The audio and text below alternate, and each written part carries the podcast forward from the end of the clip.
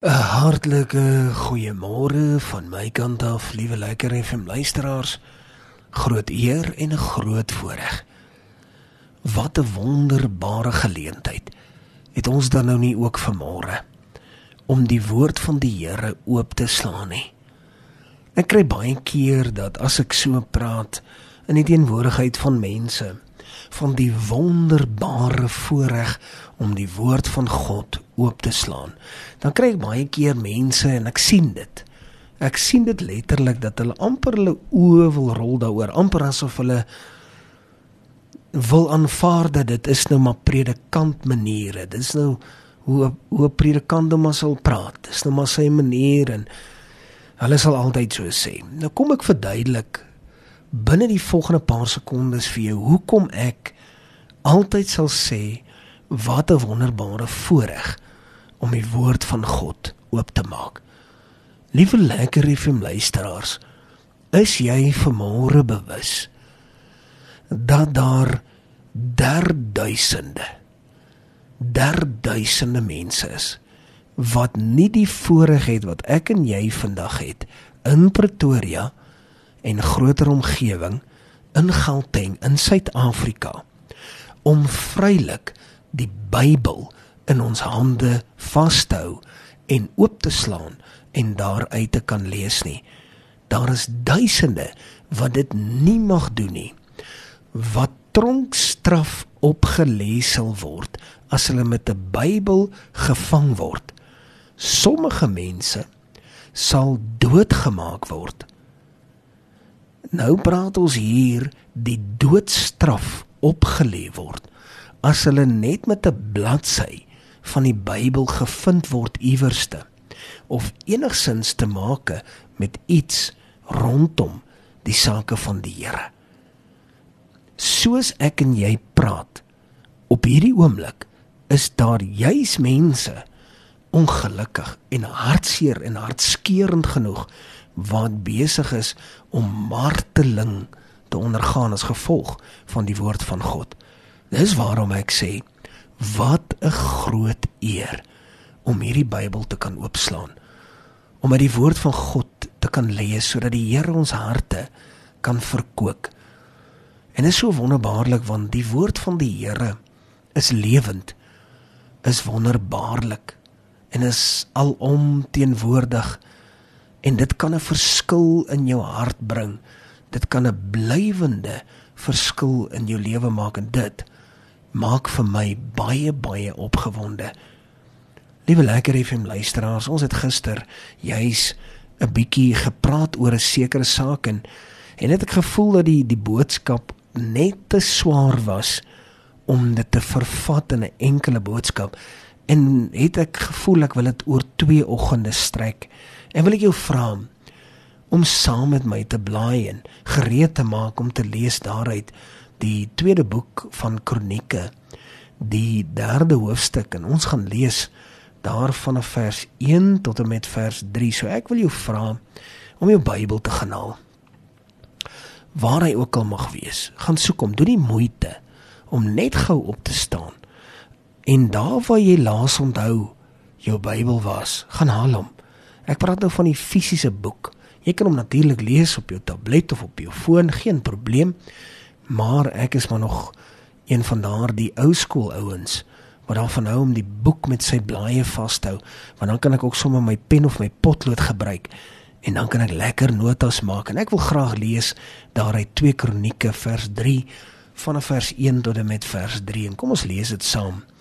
En Salomo het die huis van die Here begin bou in Jerusalem op die berg Moria waar hy aan sy vader Dawid verskyn het op die plek wat Dawid reggemaak het op die dorsvloer van Ornan die Jebusiet.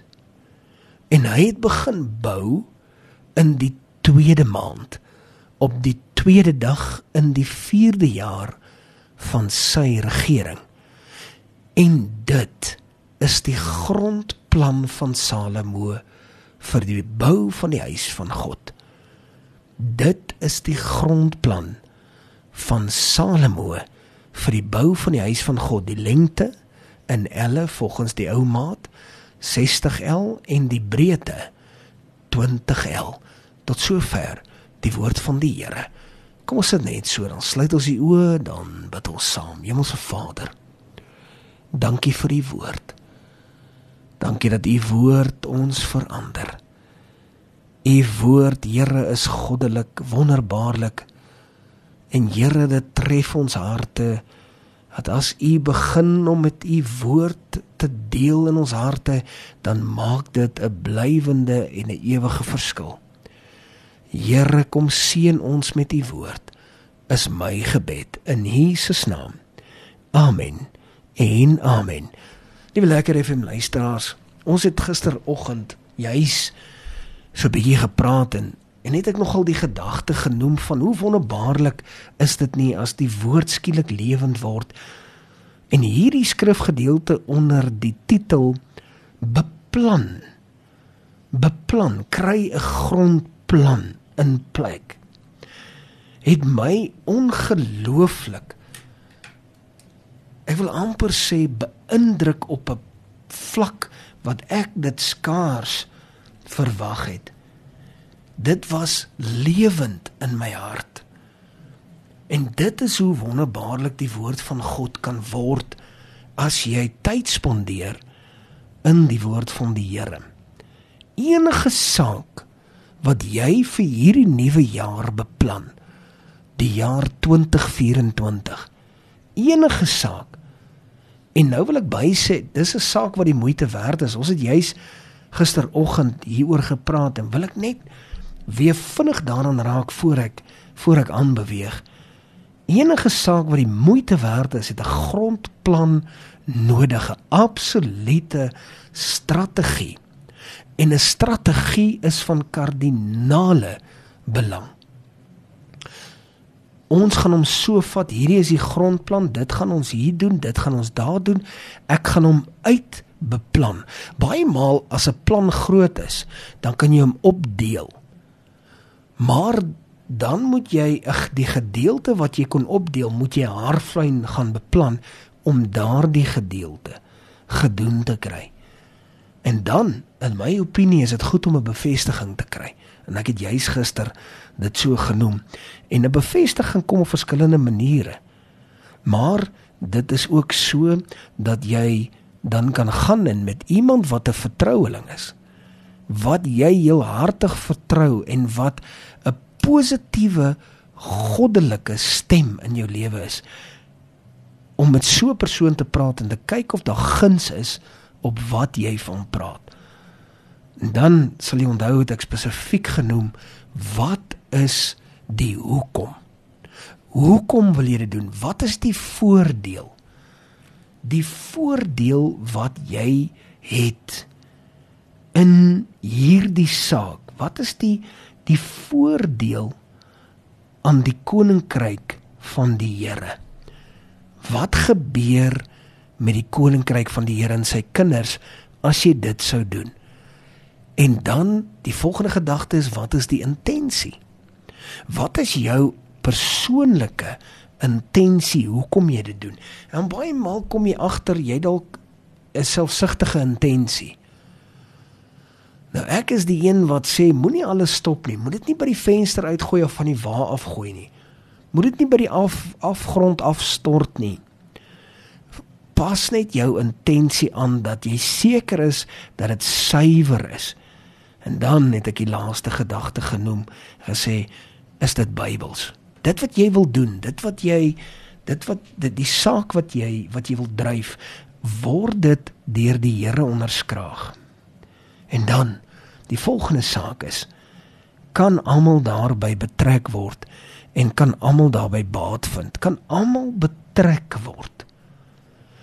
Jy weet as jy net 'n sekere groepie kan betrek, dan dan dan is dit definitief nie iets wat ek glo wat die nodige guns by die Here sal ontvang nie. Kan jy almal betrek by dit? En dan sal jy die liggaam van Christus daarmee kan laat benut. En wie ontvang die eer? Hierdie is sekerlik van die belangrikste vrae wat jy kan vra as jy hierdie jaar hierdie jaar 'n plan het om iets vir die Here van stapel te stuur. Eerstens, die feit dat jy aan die beweeg is, het jy klaar 10 uit 10 punte by my, 100% net daar. Want daar's so baie mense wat 'n wat 'n goeie intensie het om iets te wil begin, maar uiteindelik begin hulle dit nie want dis te moeilik en uh, dis dis te warm en dis te koud of my skoene sit te styf of te los of my beersie is te klein of te groot. Ag, daar's duisende verskonings. So die feit dat jy al reeds daar is, de, daar kry jy al reeds 10 uit 10 by my. Maar dan is dit goed om die suiwerheid te be te bepaal. Wat wie kry die eer? Wie kry die eer uiteindelik? En logies moet ons die Here die eer gee. Maar maak seker jy gee die Here die eer. Onthou, dit is wat daar met met met Moses en Aaron gebeur het, né? Dis hoekom die Here vir Moses en Aaron gesê het julle gaan die beloofde land nie sien nie want die eer het hulle nie vir die Here gegee nie. Hulle het die rots geslaan, daad water uitgespuit en hulle het die eer gevat. Dit moes die Here gewees het wat die eer kry. Jy moet die Here die hele tyd die eer gee. Jy kan nie net sê ag die Here weet mos hy kry die eer of almal weet die Here kry die eer nie. Nee, jy moet dit sê aan die Here alleen die eer. Baat die hele liggaam. Bou dit die liggaam. Ek dink dit is 'n baie baie billike gedagte. Bou dit die liggaam, bou dit die kerk van die Here Jesus Christus. En dan 'n baie belangrike gedagte, staan dit onder gesag. Ek dink dit is dis een van die grootstes. Staan dit onder gesag. Is daar verantwoordbaarheid op dit? staan dit onder gesag? Kan dit onder gesag staan? Want as dit nie onder gesag kan staan nie, dan is dit ook nie die saak van die Here nie dit moet onder gesag staan. Want as jy dit onder gesag hou, dan het jy dan het jy die nodige dekking wat jy nodig het. Dis baie belangrik, het jy die nodige geestelike gebedsdekking. As dit onder die gesag kan bly staan, dan weet jy dit is die saak van die Here en dat die guns van die Here daarop sal wees. Onthou Salomo, Salomo het het mense, wyse mense aangestel om saam met hom hierdie saak te bedink en saam met hom dit te doen. En hierdie is baie baie belangrik om te verstaan. As jy al hierdie punte raak skiet, dan moet jy weet dit sal vir jou suksesvol wees wat ook al jy aanpak vir die nuwe jaar. My laaste gedagte aan jou is doen die werk doen die werk asseblief doen dit maar kry 'n grondplan 'n absolute grondplan in plek as die grondplan in plek is en alles wat jy gedoen het is tref die merk dan weet jy die guns van die Here is hier sekerlik daarop tot sover die woord van die Here Kom ons sit net so. Dan sluit ons die oë, dan bid ons saam. Hemelse Vader. Dankie vir u woord. U woord soos altyd is getrou. U woord is altyd vir ons 'n absolute riem onder die hart. Dankie dat u woord ons kom aanspreek. Dankie dat u woord vir ons duidelik is en ons ook kom stig Here my gebed is dat U dit sal wakker maak in die harte van ons lekker FM luisteraars. Maar Here dat U ook met U groote genade vir ons sal bystaan. En Here dan wil ek vra seën ons radiostasie en seën almal wat die voorreg het om na 98.3 te luister in Jesus naam. Amen. En amen.